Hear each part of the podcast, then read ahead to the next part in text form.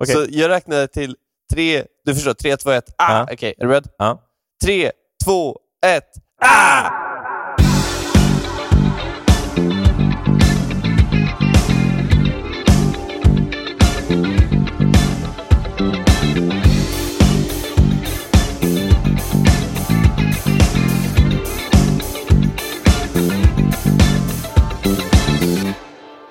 Nu, nu är du i Sverige. Jag är i Sverige, fy fan vad gött. Eh, jag har varit borta fyra veckor. Du är Eh, galen. Ja, det var gött. Jag var ju borta en av veckorna, var jag borta med dig. Ehm, Ja. men sen har jag varit på Canadian Tour. Canadian Tour. Ja, exakt. Jajamän. Med eh, ingen annan än eh, Magdalena, a.k.a. Kid Vicious. Very nice. Mm. Men, men du Zack, Ja. idag ska vi prata om ett instrument som du inte spelade på denna turnén. Nej, Vad ska det, vi prata om idag? idag ska vi prata om bas. Ja, Zack. Ja. Vad är en bas? Vad är en bas? jo, så här är det. Vi kommer, bas är egentligen eh, ett namn eh, för ett frekvensområde som vi kallar Ja. för basregister. Nu kommer inte vi gå in på det, utan det kommer vi gå in på när vi pratar om, mer om musikproduktion och musikteori och så. Men vi vill ändå nämna att när man säger bas så kan man mena lite olika saker. Det vi kommer prata om idag Precis. är basgitarr. Ja. Och där, det, det är verkligen rätt, för det är tre saker egentligen jag får upp i huvudet på direkt. Basregister, alltså Mm. någonstans mellan 0 till, eller i, kanske snarare 10-15 till 200 hertz Ja. skulle jag klassa som bas. Ja, Och sen bas, elbas, som vi pratade om precis, elbasgitarr. ja, Och sen har du också syntar som jag skulle klassa som bas. ja Så det går väldigt snabbt ut för med det ordet, men vi menar ju basgitarr. Ja, precis. Eh, och vi ska väl försöka liksom rota lite i det här träsket och städa upp lite så man förstår vad man pratar om. Men vad roligt Isak Ja. att du tycker att bas är från 0 till 20. Jag tycker att allt under 40 Nej, nej, nej. typ 200. är, är sub. Jag tycker någonstans under 20 kan jag ja i och för sig, om du vill, ja, jo, jag räknar in sub som en del av basfrekvensområdet. Ja, okej. ja. Men jag, jag menar under 10-15 så är det snarare rörelse än Mm. ton. ja, Det exakt. var därför jag ville sätta gränsen där. Ja, men det är, smart. där, det är det smart. inte där klassar jag det inte längre som sub. Nej, jag nog ville hålla med dig där. Men, eh, men jag bara tyckte, Där är det, rytm. tyckte det var en liten rolig nördig grej där. Och den kommer ni få höra mer om i en annan episod. Den är jag jättetaggad på. Nu ska vi bara prata sådana här saker resten av avsnittet så att ingen fattar. Uff. Eh, Kul. Nej, vi, vi ska väl gå vidare då. Eh, vad är liksom då en, en basgitarr helt enkelt? Mm, eller hur? Ja. Det, alltså egentligen, grunden kan vi säga är ju ändå rätt simpel, för att det är ju samma koncept som en elgitarr, ja, exakt. nästan rakt av, Ja. med li, lite skillnader. Så att egentligen, om ni vill ha en djup, djupdykning på hur sakerna är uppbyggda, kan ni lyssna på episoden om eh, gitarrer, den Mm. första episoden vi släppte om gitarrer. Precis, för där pratar vi Där liksom det. om hur, hur de är format, att de har så här kropp, hals och huvud och eh, liksom de har eh, sina stämskruvar och sådana där saker. Och det är, liksom, det är exakt samma sak som på en bas. Det är bara att en gitarr har sex strängar medan en bas oftast har fyra. En bas kan också ha sex strängar, men de är mycket, mycket tjockare. Ja, för vi ska gå ner Mm. i ton. För det är det liksom japp, som japp. kommer från grund och botten, är liksom vad vi menar med basregister. Det är att om vi, om vi ska dela upp det musikteorimässigt så är det, då pratar vi högregister. Ah, då pratar vi här uppe. Och så pratar vi bas, då pratar vi att man, man pratar bas, det är mörkt. Mm. Det, det är åtminstone så jag brukar förklara det för mina eh, elever på kulturskolan.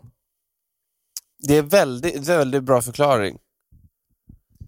Eh. Och det, det, är det där, och, och det är också då viktigt, lite så här nördighet, men skillnaden mellan högt och lågt och starkt och svagt. Mm.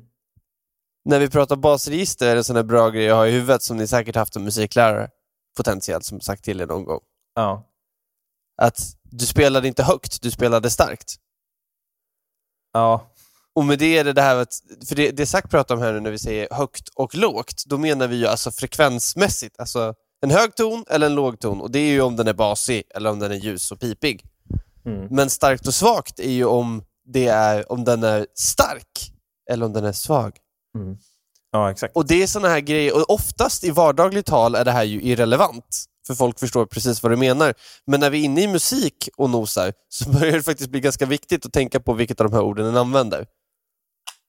Om någon säger kan du spela den där tonen lite högre, vilket vi ganska ofta faktiskt säger i Sverige, när vi egentligen menar kan du spela den starkare, Ja. så kan det ju vara någon som får för sig att oktavera upp två oktaver. Men sen, så det som kan vara värt att nämna då, du nämnde att det finns baser som har fler än fyra strängar, eller hur? Mm. Precis. Och de brukar ju oftast inte vara ljusare strängar. Och det är ju där det kan bli kul, för vi pratade ju om gitarr så sa vi att det var en ball groda dansar aldrig ensam. Ja, exakt. Och då baklänges då så får vi ju från den mörkaste strängen, så E, A, D, G, Mm. B, E. Men då, en bas då brukar ju ofta då bara vara E, A, D, G. Mm. Och sen det som händer då när du har en fem eller sexsträngad bas är att du lägger till mörkare strängar en kvint ner. Exakt. Eh, Och man, då blir det väldigt mörkt. ja, så man har den ramsan då, en ball groda dansar aldrig ensam. Då tar man ju bort en ball helt enkelt. Groda dansar aldrig Precis. ensam. Eh, och sen lägger vi till Exakt. strängar efter E då, som är ännu mörkare. Man kan ju lägga till Ja. ljusare strängar också. Det, man kan ha den stämd på, Oh, ja. på samma sätt som en gitarr. Men nu börjar vi liksom gå in i den här gråzonen över att så här, ja, men nu, nu är vi inne på specialbasar och, liksom, och det får vi gå in Nej, på. exakt. Det får vi gå in på någon annan gång. Nu måste jag bara redakta det jag precis sa lite snabbt här. Det är ju en kvart, väl, som den går ner hela tiden och inte en kvint. Ja, Eh, precis. A till E, det är en kvart ner, inte en kvint ner. ja. E är kvinten till A, så är det. Men det är en kvartsintervall, vilket betyder att nästa ton efter E blir B och nästa ton efter B blir i så fall, enligt mina uträkningar, jag står vid ett MIDI-klaviatur här, jag tänker, borde ju bli ett F, FIS. Eh, ja. Nu tänker jag på hur jag har, A, har spelat bas, men när jag har spelat mörkare då är jag egentligen bara... För man kan göra någonting på bas som gör att man, man droppar basen, vilket är att man tar E-strängen Ja. och så stämmer man ner den. Eh, och då brukar man droppa den till D. Man kan ju även droppa den till, Exakt. till C och vidare för man vill ha ännu mörkare, men dropp D är ganska vanligt. Eh, det är det. och, och det är väl liksom ifall man vill ha den mörkaste strängen ännu mörkare, helt enkelt. Ehm, Ja. Så jag har mer spelat så. Jag, jag har aldrig kört femsträngat eller sexsträngat bas. Jag har aldrig tagit mig eh, så långt. Nej. Nej, det förstår jag. Det är så, aldrig så långt ner till FIS alltså. Nej. Det är nu jag hoppas att det kommer någon och skriker på mig och rättar mig. Jag tror att jag har rätt. För jag har stått vid ett midjaklaviatur, men det är klockan är åtta på morgonen. Ja, Och det exakt. var ett infall. Ja, Så jag ber om ursäkt publiken. Ni kan få, alla kan kolla och se om jag har rätt. ja. Det borde vara en kvart dit. Det är nu Robin från Alltså, Tribe kommer och skäller på oss. Han bara, fan tänkte ni? Ja, gud ja. Gud, han kommer skälla på oss. Ja. Men eh, Robin, du får vara med i nästa avsnitt och prata vidare. Ja, det här var kul att snacka lite bas med dig. Men ja, alltså, det är vanligt instrument. Det är väl, vad, vad kan vi säga om bas egentligen? Det är ett supervanligt instrument. Så här, nästan, jag skulle säga att, och så länge en hört mer än tre låtar i sitt liv, Mm. så har den hört en elbas. Ja, eh, och bas är liksom en sån del som man inte kommer undan på, på ett eller annat sätt. Ehm, Alltså för att vi har ju olika frekvensområden som vi fyller ut med olika saker. Liksom, i, Ja. Gitarr för att ta midfrekvensen och basen tar ju då basfrekvenserna för att vi ska fylla Ja. ut hela spektrumet. Det är samma sak som en orkester egentligen. De gör ju det naturligt med sina instrument. Eh, och i orkestrar Ja, finns det ju även bas. Det kan ju vara en, en tuba, en bastuba, eh, som Ja. fyller ut det eh, frekvensområdet. Eh, och det är också därför det heter baskagge på trummor. Det är ju för att det är det mörka registret som vi fyller ut. Mm. Eh, så det är, liksom, det är en sak som man får ha, ha med sig när man, när man diskuterar bas. Liksom. Att ja, eh, det, det finns eh, lite olika förklaringar till varför saker och ting heter som de gör utifrån det. Men när vi ändå pratar om bas, liksom, nu, nu är vi inne på elbas och då är det så här, självklart Ja. som med gitarrer så har ju vi eh, akustiska gitarrer, men vi har också akustiska basar. Ja, i- och Vissa av dem låter eh, ganska bra, vissa av dem låter inte så bra tycker jag. Ehm, Nej. det finns ju de som försöker hålla den här klassiska formen av en gitarr och då tycker jag tycker aldrig att de liksom får en fin klang. De skorrar nog bara mest tycker jag. Mm. Mm. Eh, men sen har vi såna här mexikanska basar. guitarrón, Eh, som, Mhm. Det är jätteroligt om man, man kollar på dem så är de så här, som, de är jättedjupa i kroppen. Mm. Eh, jättecoola och där får man en helt annan, alltså för att vara en akustisk bas så får man en helt annan klang som är mycket djupare. Okej, det är sån akustik. Mm. Ja, exakt. Eh, Ja, men det förstår jag. och så då, så då liksom spelar man dem nästan eh, liggandes, för de, blir, de är liksom eh, avrundade i formen bak på kroppen, så att man liksom lägger dem mot kroppen så är det nästan som att stängerna pekar uppåt. Lite grann. Jaha. Eh, roligt nu. Ja. Eh, ja, det är lite fräckt. Ja, och det, vi, vi kommer gå in på sådana saker sen också. Men, men det är Ja. bara så att ni vet att det finns akustiska basar och sen så även det som Isak tog upp lite tidigare, att vi har ju även bassyntar. Jajamän. Eh, och egentligen kan vi väl säga att alla syntar har ju bas i sig för att det är så mycket tangenter så vi, Mm. där har vi hela, hela frekvensområdet också. Så man kan ju ta längst till vänster då på sitt piano så har man ju då sina bastangenter. Precis.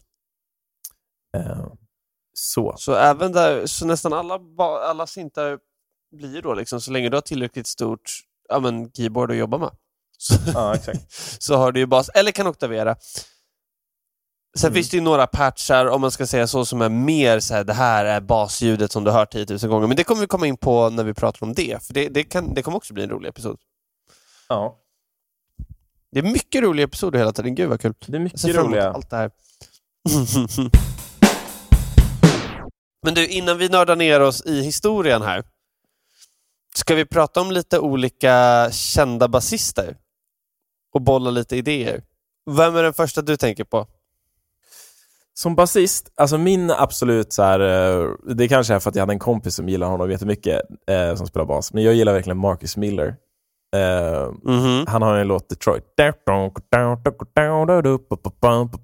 Den brukar jag alltid eh, spela så fort jag får en Mm. bas. eh, den är skön.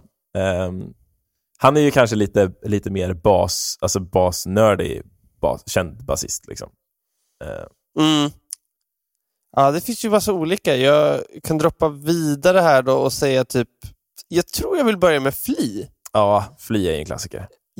Gitarristen från... Äh, gitarristen, gud, nu, nu får jag underkänt här. Basisten från Red Hot Chili Peppers. Ja. Och Atoms for Peace har han också spelat det. Ja, Mm. men det är ganska så här, funkigt, lite, lite punkigt också han spelar. Mm. Han är ju ganska så här, tydlig, alltså hans teknik är ju välkänd om vi säger så. Ja. Jag läser, på, läser lite på honom.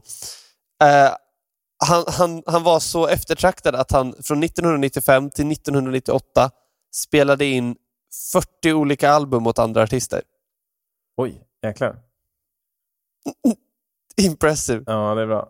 Alltså jag, jag har faktiskt en kompis som jobbar för eh, Flea, eh, som jag gick i skolan med Jaha. i LA, Alejandro. Cool. Eh, jag är lite osäker på vad han gör på hans företag, men han jobbar för Flea. Eh, Ja, det är ju ballt. ja, det, det är ju ballt så.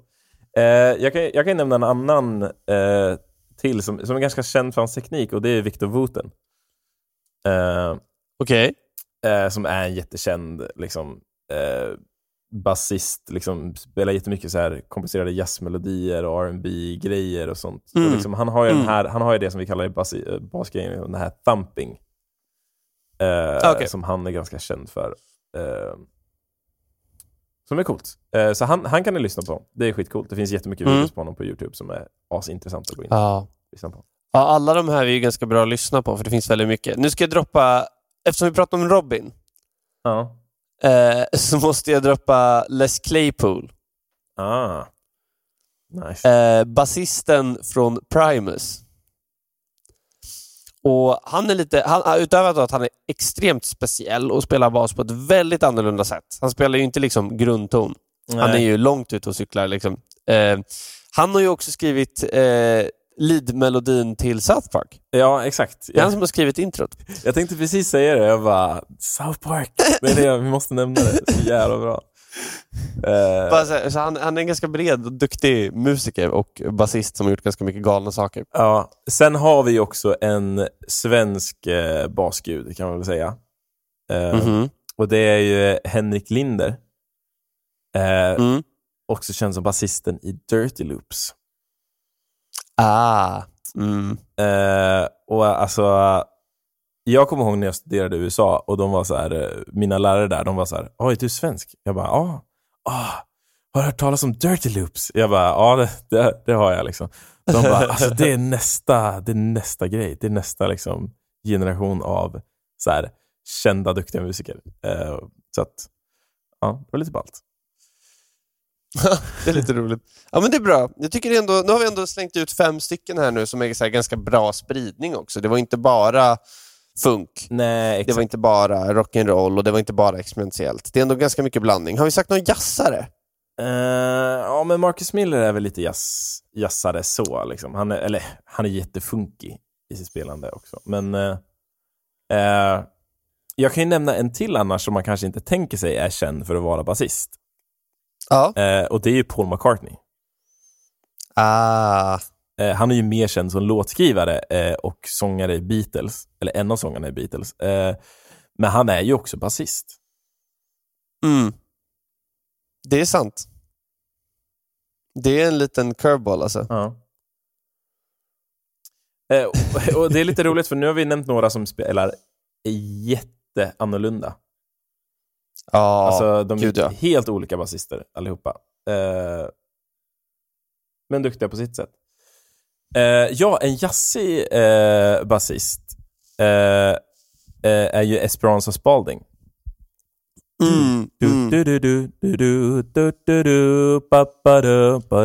Alltså, gud, oh, hon ja. är så duktig jazzbasist. Hon är riktigt duktig. Oh, eller basist överlag. Alltså, gud, hon sjunger väl sångare. samtidigt också, om jag minns rätt? Ja, sångerska. Otroligt duktig sångerska. Eh, ja, det, det är någonting, det är så här, när jag och Robin ibland sitter bak i turnébussen, då kollar vi på Esperanza Spalding för att alltså, vi, alltså, det är så bra musik. det är det verkligen. Hon är riktigt, riktigt duktig. Ja. Men det är bra, nu har, vi, nu har vi en lista här. Den här tycker jag känns som, nu har vi gett folk en möjlighet att nörda ner sig och bara så här, det här låter kul, det här låter tråkigt, det här låter kul, så folk kan ju till och med hitta en potentiell guru, om de vill, Mm. i flera olika stilar. Så det känns, det känns bra, det känns som en bra grund. Och Ja. då kanske vi ska gå in i lite historia här och dyka ner lite djupare. Mm.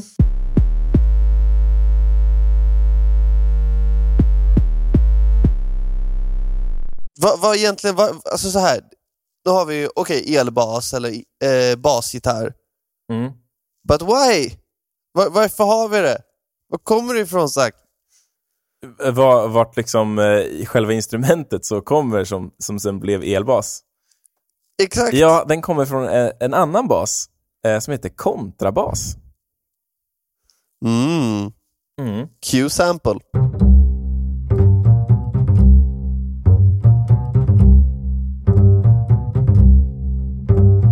Så låter den. Ja, eh, jättespännande. Och vill man kolla, liksom, eh, vi, nu pratade vi lite om Esperanza Spalding innan och hon spelar eh, kontrabas. Hon gör inte det alltid, men hon gör det ibland, vilket är jävligt coolt. Mm. Eh, men, men kontra är så coolt instrument för att eh, egentligen så är det liksom ett stråkinstrument Ja. till att börja med. Mhm. eh, som vi liksom sen har, har liksom adapterat till att ha och spela med våra fingrar. Eh, och sen liksom vandrat vidare liksom med hela den här musikrevolutionen som hände liksom tidigt 1900-tal. Eh, och tagit med kontrabasen då in i liksom rhythm and blues och hela vägen in i rock'n'roll. Och sen har vi gått från att det var akustisk till att bli elbas. Liksom. Ja. Eh, och hela den vågen, samma sak lite som gitarr har gjort från akustisk gitarr till elgitarr. Eh, så. Precis. Ja, det har varit en häftig resa och kontrabas är verkligen ett jättekul instrument att spela också. Det blir så rund och mjuk och fin ton, men det är ju lite speciellt för att en bas spelar en ju, alltså en elbas då, spelar ju antingen med plektrum eller med fingrar. Ofta Mm. två eller tre fingrar, Mm. så att du vandrar liksom på strängarna. Ja. Men en kontrabas har så mycket tjockare strängar så du, många spelar liksom med fingrarna ovanpå varandra för att få bättre grepp. Eller med hela handen. Om ni kollar på video kommer ni se vad jag menar. Att det, är oft, det är liksom inte samma vandrande känsla utan den är lite, det är lite starkare rörelse för de strängarna är lite annorlunda. Ja, och sen är det också, kontran är ju byggt som ett stråkinstrument, så den har ju inte heller band som till exempel en akustisk gitarr eller eh, ett, en elbas har idag. Eh, den är ju är bandlös, så, så att man får ju liksom ha ett, ett musiköra på ett annat sätt när man spelar kontrabas. Precis. Kan intonera som du vill. Ja, Du är fri. och om vi skulle ge exempel på vad, vad för musikgenre som det här används idag, då skulle jag säga, alltså fortfarande i orkestermusik jättemycket. Alltså så här stråk, orkester, men även blåsorkester så används liksom eh, kontrabas eh, för att fylla ut det där basregistret också. Eller det, Ja. man ska väl inte säga att, att det är blåsorkester, men i generell orkestermusik. Ehm, Ja. Men annan musikstil, Isak, det, vad skulle du säga då? Jo, men vi kan ju inte glömma jazzen va? Nej. De älskar kontrabas. Ja, det gör de. De älskar kontrabas. Det är ganska vanligt att ha en sektion med en saxofon, en kontrabas och ett trumset. Ja. Eller kontrabas, piano, trumset. Mm. De är väldigt förekommande när Ja. jag lyssnar på modern jazz och äldre jazz också. Ja, och en lite rolig flik där. Jag var faktiskt såg eh, Marcus Miller ha en klinik när jag bodde i USA. Eh, och eh, det var jätteintressant. Han spelar liksom eh, mycket jazzgrejer och lite mycket funkgrejer och sådär. Eh, och så var det en basist där som, som ställde sig och det var, det var så här frågestund på slutet och bara, men jag, jag är basist och eh, jag spelar band, alltså elbas på band liksom. Ehm, eh, och har liksom fått höra mycket det här med liksom att eh, man ska spela kontra och man ska spela bandlöst när man spelar jazz. Eh, men jag har liksom Ja. inte kommit dit och vad är din åsikt kring det? Frågar Mar- Marcus Miller och var, var väldigt så här, ödmjuk och, och lite blyg. Liksom. Marcus Miller krossar den här eleven och bara Varför spelar du bandad bas? det var det, enda, var det enda svaret han hade och sen ignorerade han honom och gick vidare. eh, det, Uh, Det- jazzmusiker är ju speciella. De håller på med något som kallas spotting. Vet Ja. du vad jag tänker på sagt? nej, det gör jag faktiskt inte. Eh, det är den här idén om att, så här, för att trycka, eller det är inte alla inom jazz såklart, men det här är ju lite generalisering, men Mm. det är en vanlig, vanligt inom jazzkulturen, det här med att så här, på något sätt påpeka, alltså pusha varandra framåt genom att påpeka varandras brister. Mm. För att målet är inte, inom vissa delar då, målet är inte att alla ska må så bra som möjligt. Målet är att det ska göra så bra konst som möjligt. Mm. Att det ska nå en verkshöjd som aldrig hörts förut. Mm. Och därför så pushar den varandra till bristningsgränsen och är skithårda mot varandra och bara säger nu spelar du fel, Ja, nu gjorde du fel. Varför gör du fel? alltså, Eh, För, för att pusha varandra till perfektion. alltså det är ju lite whiplash det där. Eh, och då, då menar jag ju filmen Whiplash som handlar om en, en jazztrummis eh, som försöker bli så duktig som han kan. Och eh, det finns väl absolut bra grejer med det, men det finns också jättedåliga saker med det. Eh, kommandes, fr- kommandes från ett lärarperspektiv här att ja, eh, skulle vara intressant ifall jag gjorde så till mina elever varje gång jag träffar dem. Eh, Krossa nio för att kröna en. ja, exakt. Eh, Men okej, det var inte, vi ska inte ha en pedagogiklektion idag, så jag tycker vi swooshar vidare då. Ja. Okej, nice. Kontrabasen, men då, då, det kom från kontra. Det är vi överens om. ja, Det har vi lyckats förklara. ja. Nu känns det som vi måste ta oss lite framåt här då. När är det egentligen som vi kommer till första elbasen?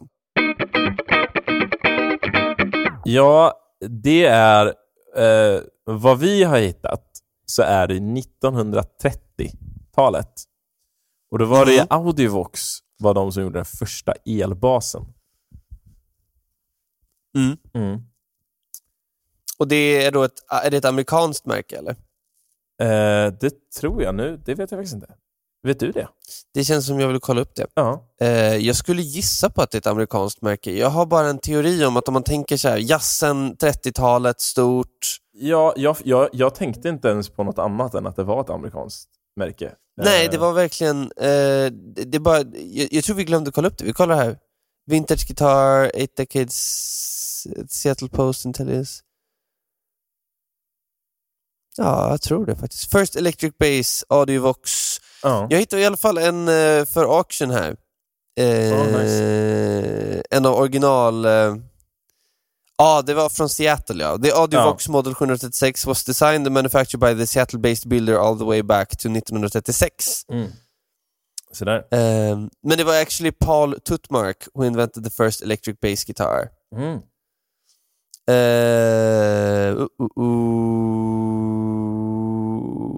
Det byggdes... Oj, det, det är nästan mint condition på den också. Oj, vad fan ligger en sån på idag? Uh, he explained at the time. Den såldes, på, originaltid så såldes de modellerna för någonstans mellan så här 65 till 75 dollar. Mm. Okej, och när den här artikeln skrevs som jag läser just nu så låg budet uppe på 20 000 dollar. Oj jäklar. Ja, det...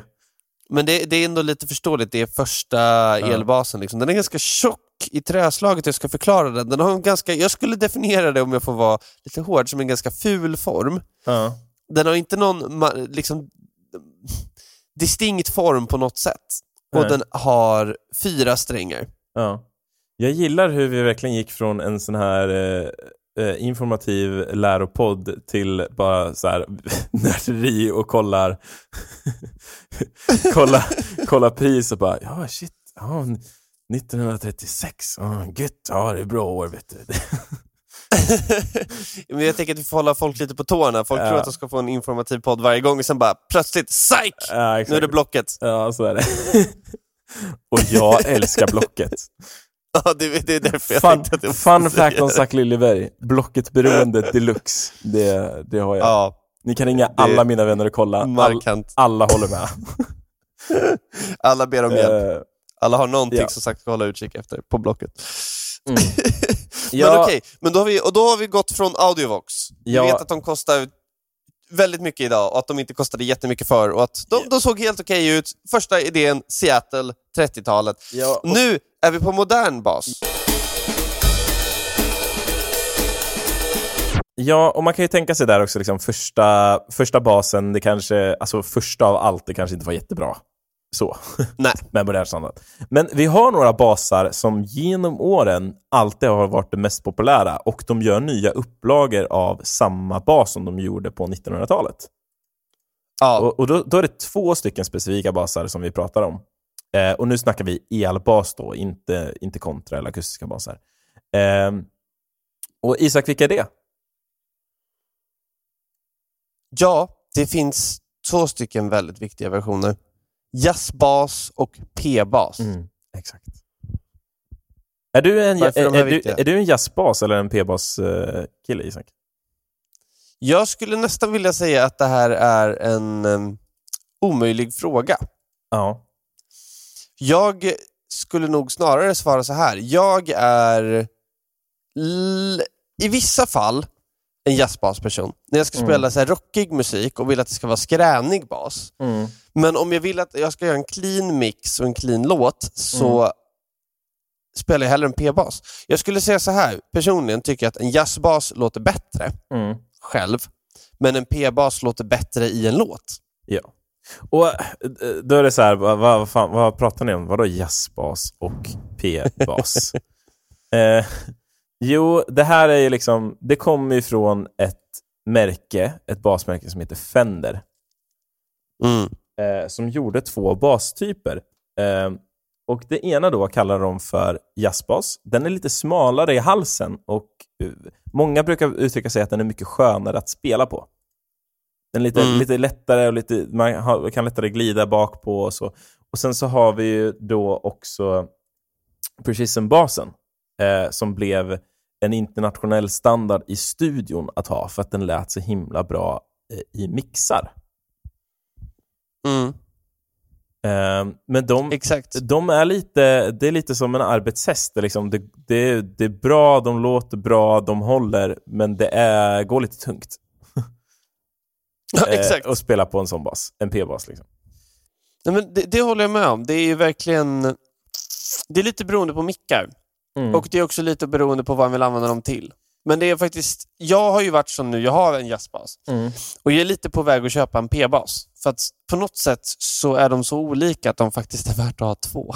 Ja, Eh, jag fulade mig där och köpte en eh, jazzbas special som båda har, för de har lite olika mickuppsättningar också. Eh, Ja, exakt. så att jag, den har ju då båda mickuppsättningarna, fast är liksom en, en Mm. tyngre variant av en jazzbas. Den är inte lika smal på det sättet. Eh, om jag skulle Mm. rekommendera att köpa en sån egentligen? Nej, det skulle jag inte. Nu lyckades jag få tag på en sån eh, och har varit nöjd med den eh, genom alla Ja. år.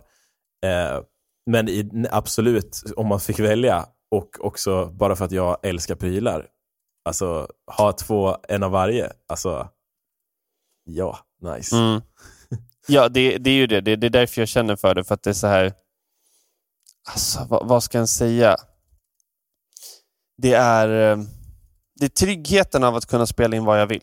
Ja, Om jag ska vara riktigt nördig och gå vidare på det här så skulle jag nästan vara på ett, till och med ett ännu extremare spår och säga att jag vill ha en p-bas som Mm. är dålig. mm. Och sen vill jag ha en jazzbas som är ännu sämre. Och med det menar jag, jag vill ha en jazzbas där strängarna aldrig byts. Mm. För det är ju ett väldigt specifikt sound. Och sen vill jag ha ett p-bas där man lägger dämpningar under strängarna. Mm. Alltså det är så här, för det ger verkligen en väldig skillnad på tonen. Jag om, om man lyssnar på typ så modern pop, där det är rockinfluenser, så kan det ibland vara väldigt distiga basar. Mm. Och det är ofta att de har spelat in med ganska dåliga basar. Det blir ganska fräck ton. Ja, man, det, det, man kan, alltså det är ju, nu är vi inne på smak, smaken som baken, liksom. men eh, eh, att den är delad. Brumps. Eh, men eh, Mm. alltså, en annan sak där är ju liksom att, eh, alltså, du pratar lite om dämpning på basen och det brukar man kunna se olika basister ha på sin hals, så har de som en liten, eh, vissa har ju kapon om man spelar gitarr. Liksom. Eh, men det är inte Mm. ett capo, utan de har liksom en liten, en liten tyggrej som de skjuter fram och tillbaka för att just undvika vibrationer i andra strängar när de inte spelar på dem. Eh, Mhm. Som en liten sån där dämpnings... Inte duk kanske man ska kalla det, men ja, jag gör det nu. En liten dämpningsduk. eh, så man kan kolla in. Eh, det används ganska, ganska flitigt av många basister. Eh, Mm.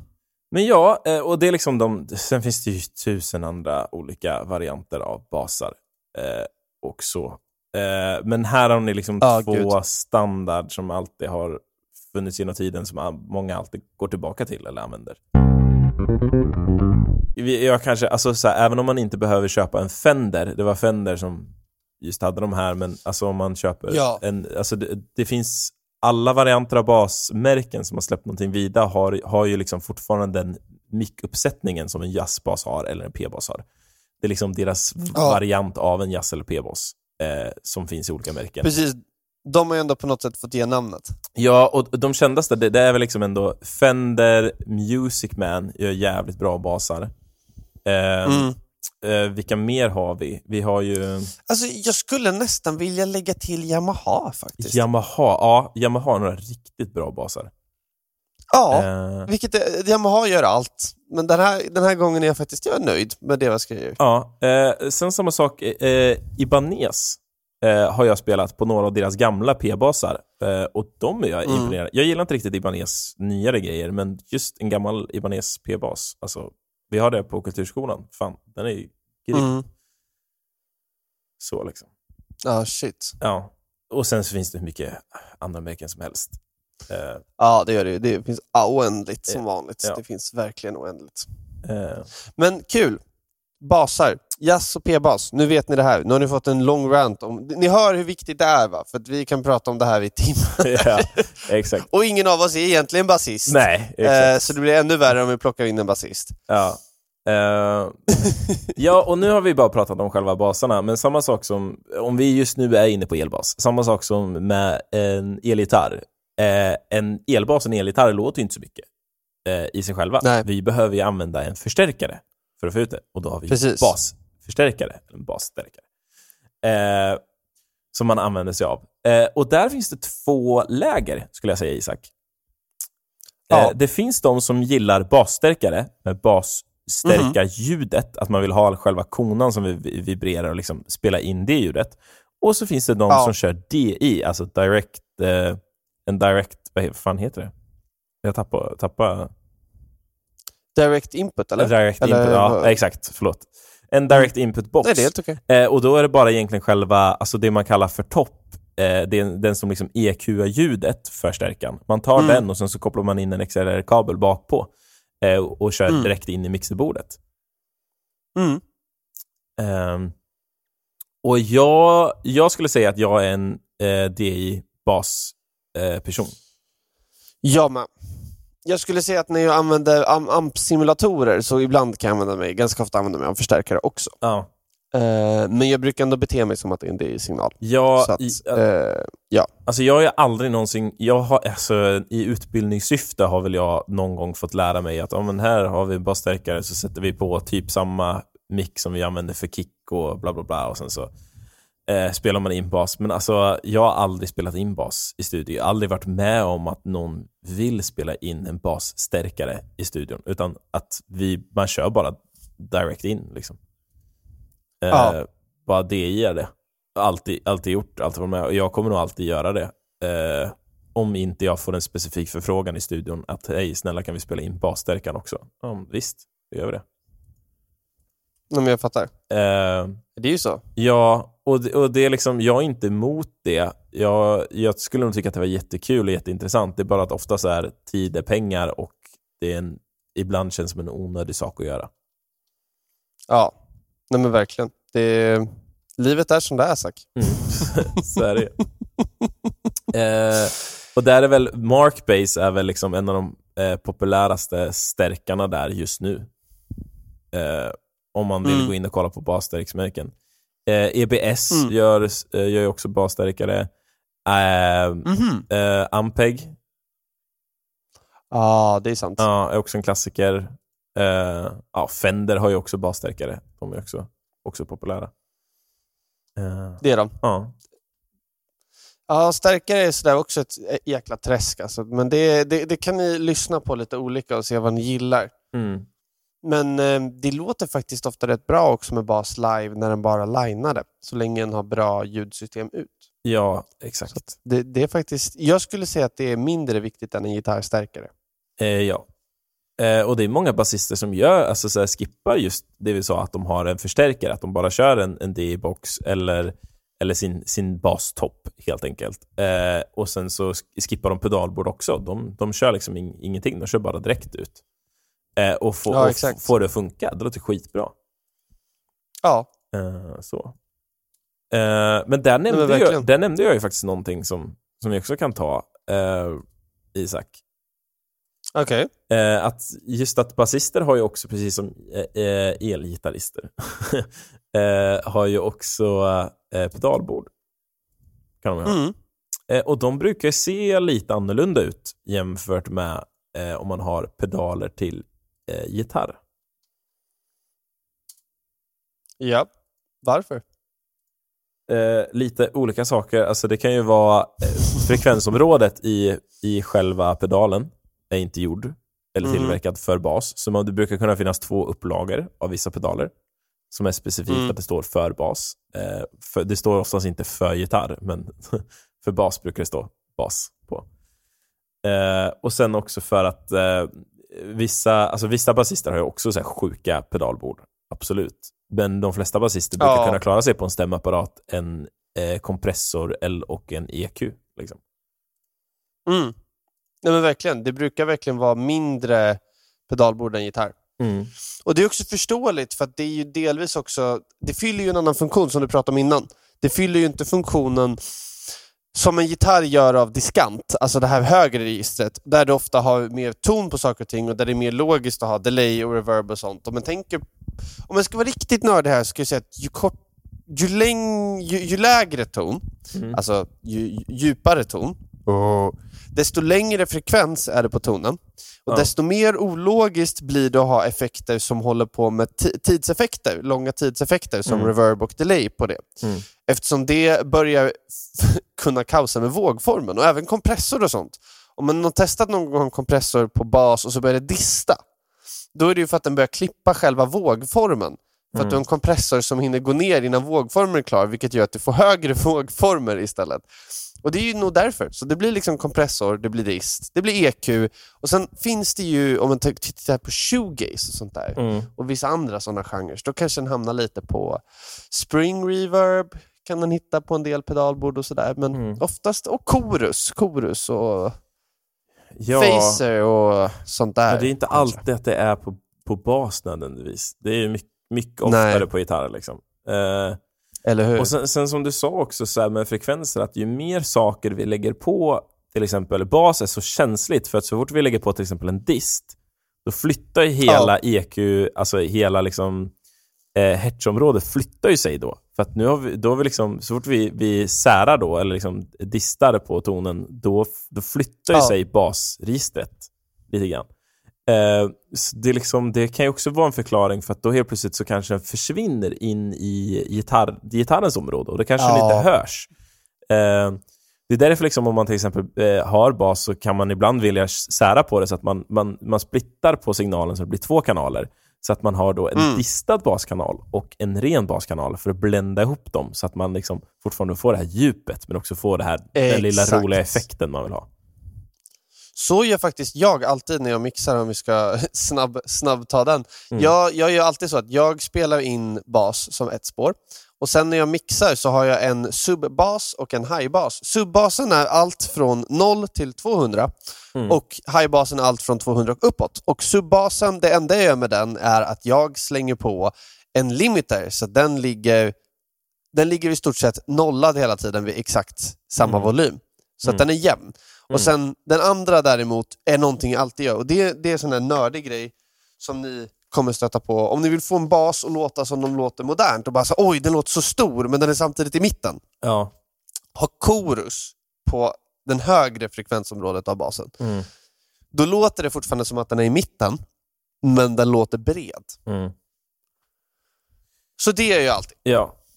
Eh, ja, precis. En parallell dist går, det, det kör man ju typ på allt.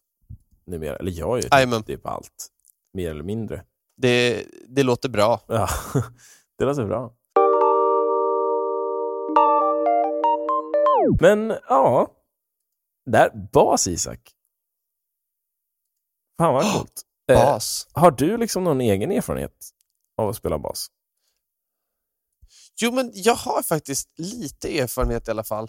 Jo, men jag har spelat en del bas i... Ja, vad ska vi säga? Jag har spelat en del bas i vissa av mina soloprojekt faktiskt. Nej, det har varit så. Så jag har spelat bas några gånger och sjungit. Det går ganska bra. Mm. Jag tycker det ibland kan faktiskt vara lättare än att spela bas, eller än att sjunga och spela gitarr. Att spela Ja. bas och sjunga. För att det går ofta ihop, för en spelar grundtonerna ofta en ganska simpel rytm och i men en bra, bra takt med sången på något sätt. Mm. Gitarr kan ofta vara motrytmer och sådär. Mm. Och det kan vara mycket svårare tycker jag. Ja. Ja, det är gött. Men det, det, det är vad jag upplever. Ja. Det är nice. Är du någon, är du någon shop, är det, släpar du bas eller, eller gör du någonting sånt? Nej, jag, jag är ju gammal, jag är ju bara ren rockmänniska så att jag, Ja. det enda jag gör är väl att Ja, vet du. spela bastoner. Ja, vet du, jag spelade rock när jag var yngre, vet du. Ja, nej, men jag spelar bara rock. Ja. Det blir bara så. Nice. Ja. Jag tycker det funkar rätt bra. ja, det är gött. Nej, men det, det är väl det. det, är väl det. Vad, vad tänker du på Zack? Uh, ja, jag undervisar ju i bas när vi har orkestrar, så brukar jag ta eh, både liksom, trummor, percussion och, och bas. Liksom, så. Det är kul. Uh, ja, jag tycker om och det, det brukar vara en sån här lite guilty pleasure när jag sitter och uh, undervisar trummor och så dyker kanske inte en elev upp. Då övar jag trummor eller så brukar jag sitta och spela lite bas. Det är ganska nice. Det hade varit kul att spela bas i ett band någon gång, men jag har inte gjort det. Eh, jag spelar gitarr, spelar trummor, eh, aldrig bas. Vet inte, det har bara inte blivit av. Men jag äger en bas och hade nog egentligen kunnat tänkt mig att spela bas i ett band. Det var kul. Ja. Eh, vad, vad kan man säga annars? Liksom så? Eh, nu sa jag släpa, och släpa är att man, man tar sin tumme och slår mot strängen. Eh, så att man får en liten så här popljud. Eh, det, tycker Ja. jag, det tycker jag om att göra. Robin brukar ge mig skit för att han tycker att min teknik är dålig. Eh, kan jag väl hålla med om. Men jag spelar som jag vill. Eh, eh, så att, eh, nej men det är kul. Jag, jag gillar bas. En, en sån här eh, tes jag har om att vara basist i studio, liksom, Ja. det är att eh, av, av erfarenhet liksom, av- på olika, olika fronter så, så känns det som att basister kommer undan så jävla lätt med grejer. Att om Aha. de spelar väldigt mycket så är folk så här, ah fan, fett, fet basline liksom. Ah, det, är så, det är så intressant. Och sen om de spelar typ ingenting och bara håller sig till grundton och bara fjärdedelar, då är folk så här, Mhm. ah, stilrent, klassiker, nice. Det känns aldrig som att någon får skit när de spelar bas. det, känns som att Nej, det är sant. All- det, all- det är ganska för, förlåtande instrument. ja, alla bara köper det eh, folk gör. Eh, så har jag tyckt varit lite roligt ibland, för ibland så kan jag tycka så här, är det verkligen så? Eh, eh? Eller? Det känns som att folk är så rädda för att spela bas att de bara köper allt alla spelar. Jo, men lite så. Eh, Det, det blir... Nice. blir det kan, det kan, det, men det kan finnas en fördel med det. Bas också ett, men det kan, jag tycker det kan vara det svåra med det instrumentet, att det är ett instrument ibland där poängen är att göra så lite som möjligt. ja, det är vissa basister ibland som jag tycker ibland inte riktigt greppar den grejen. Nej. Och det gäller nästan alla instrument egentligen, men bas är det så extremt tydligt på att som jag ser det är ju poängen att bygga upp eh, ackordstrukturen, inte alltid med grundtonen, Mm. men att, att visa här är arret och Mm. här är rytmen Ja, exakt. till låten, till, till allting. Mm. Och ibland känns det som basisterna är så här, jag kan spela svårt. Ja, Och det är verkligen ett instrument där det blir tydligt när den går ifrån tanken vad gör jag just nu för att visa arret från sin bästa sida? Och när snarare tanken blir vad gör jag just nu för att visa hur mycket jag övat på att släpa? ja. Och, alltså, Nu vet jag att någon kommer bli arg här ute så jag ber om ursäkt. Ja. Men jag måste bara säga det. Men- Som producent men jag, tänker jag på det men jag kan säga samma sak, så är det med trummisar också. Att eh, egentligen så är vår roll att hålla puls till allihopa. Eh, men liksom ibland så eh, är det vissa som överspelar. Eh, och så finns det ju på alla instrument, men det hörs väldigt tydligt med bas och trummor. Och det är, liksom, det är väl därför man brukar sätta dem som en, som en rhythm section, som man säger. Liksom, att de, de sätter grunden medan allting annat kommer uppe på. Liksom. Eh, så det, handlar, Ja. det är väldigt viktigt att trummor och bas liksom sitter som handen i handsken liksom, med varandra eh, och har kommit överens om hur de ska spela. Eh, vill de köra rhythm and bass och spela väldigt in, intressanta och svåra grejer, ja men då kanske de ska göra det. Vill de spela eh, Beatles covers, då ska de kanske inte göra metal fill. Liksom. Eh, eller, Exakt. eller metal licks. Liksom. Det, det blir inget bra. Eh, så. Men, Nej, jag håller med. Det, det, det är verkligen mycket med bas att hålla koll på. ja. Men jag tycker vi har gått igenom en liten grund här i alla fall. ja, det har vi. Eh, Märks att vi är lite morgontrötta, men jag hoppas att ni har fått ut något vettigt av oss. Det, det, känns, det kanske är för att jag är jetlagd på den positiva sidan nu på förmiddagen jämfört med eftermiddagen när jag kommer krascha. Eh, men just nu mår Mm. jag ganska bra, känner jag. Jämfört. Det känns som att Ah, din skönt. energi är lite lägre än min. Ja, jag är lite nyvaken, men jag mår bra. ja, bra. Men eh, så här är det ju som med alla avsnitt. Har, hittar ni någonting som ni inte håller med om eller som vi har sagt fel, eh, då är det bara att ni skickar in till oss. Så, så liksom, vi vill ha rättelser i den här podden. Skicka jättegärna in ifall Ja. ni hittar något som vi har sagt fel. Och det kan ni göra eh, till musikerpodden gmail.com eller till vår Instagram, eh, musikerpodden. Har du någonting mer du vill, vill säga nu Isak innan, innan vi, vi trycker eh, av rekordknappen här? Mm.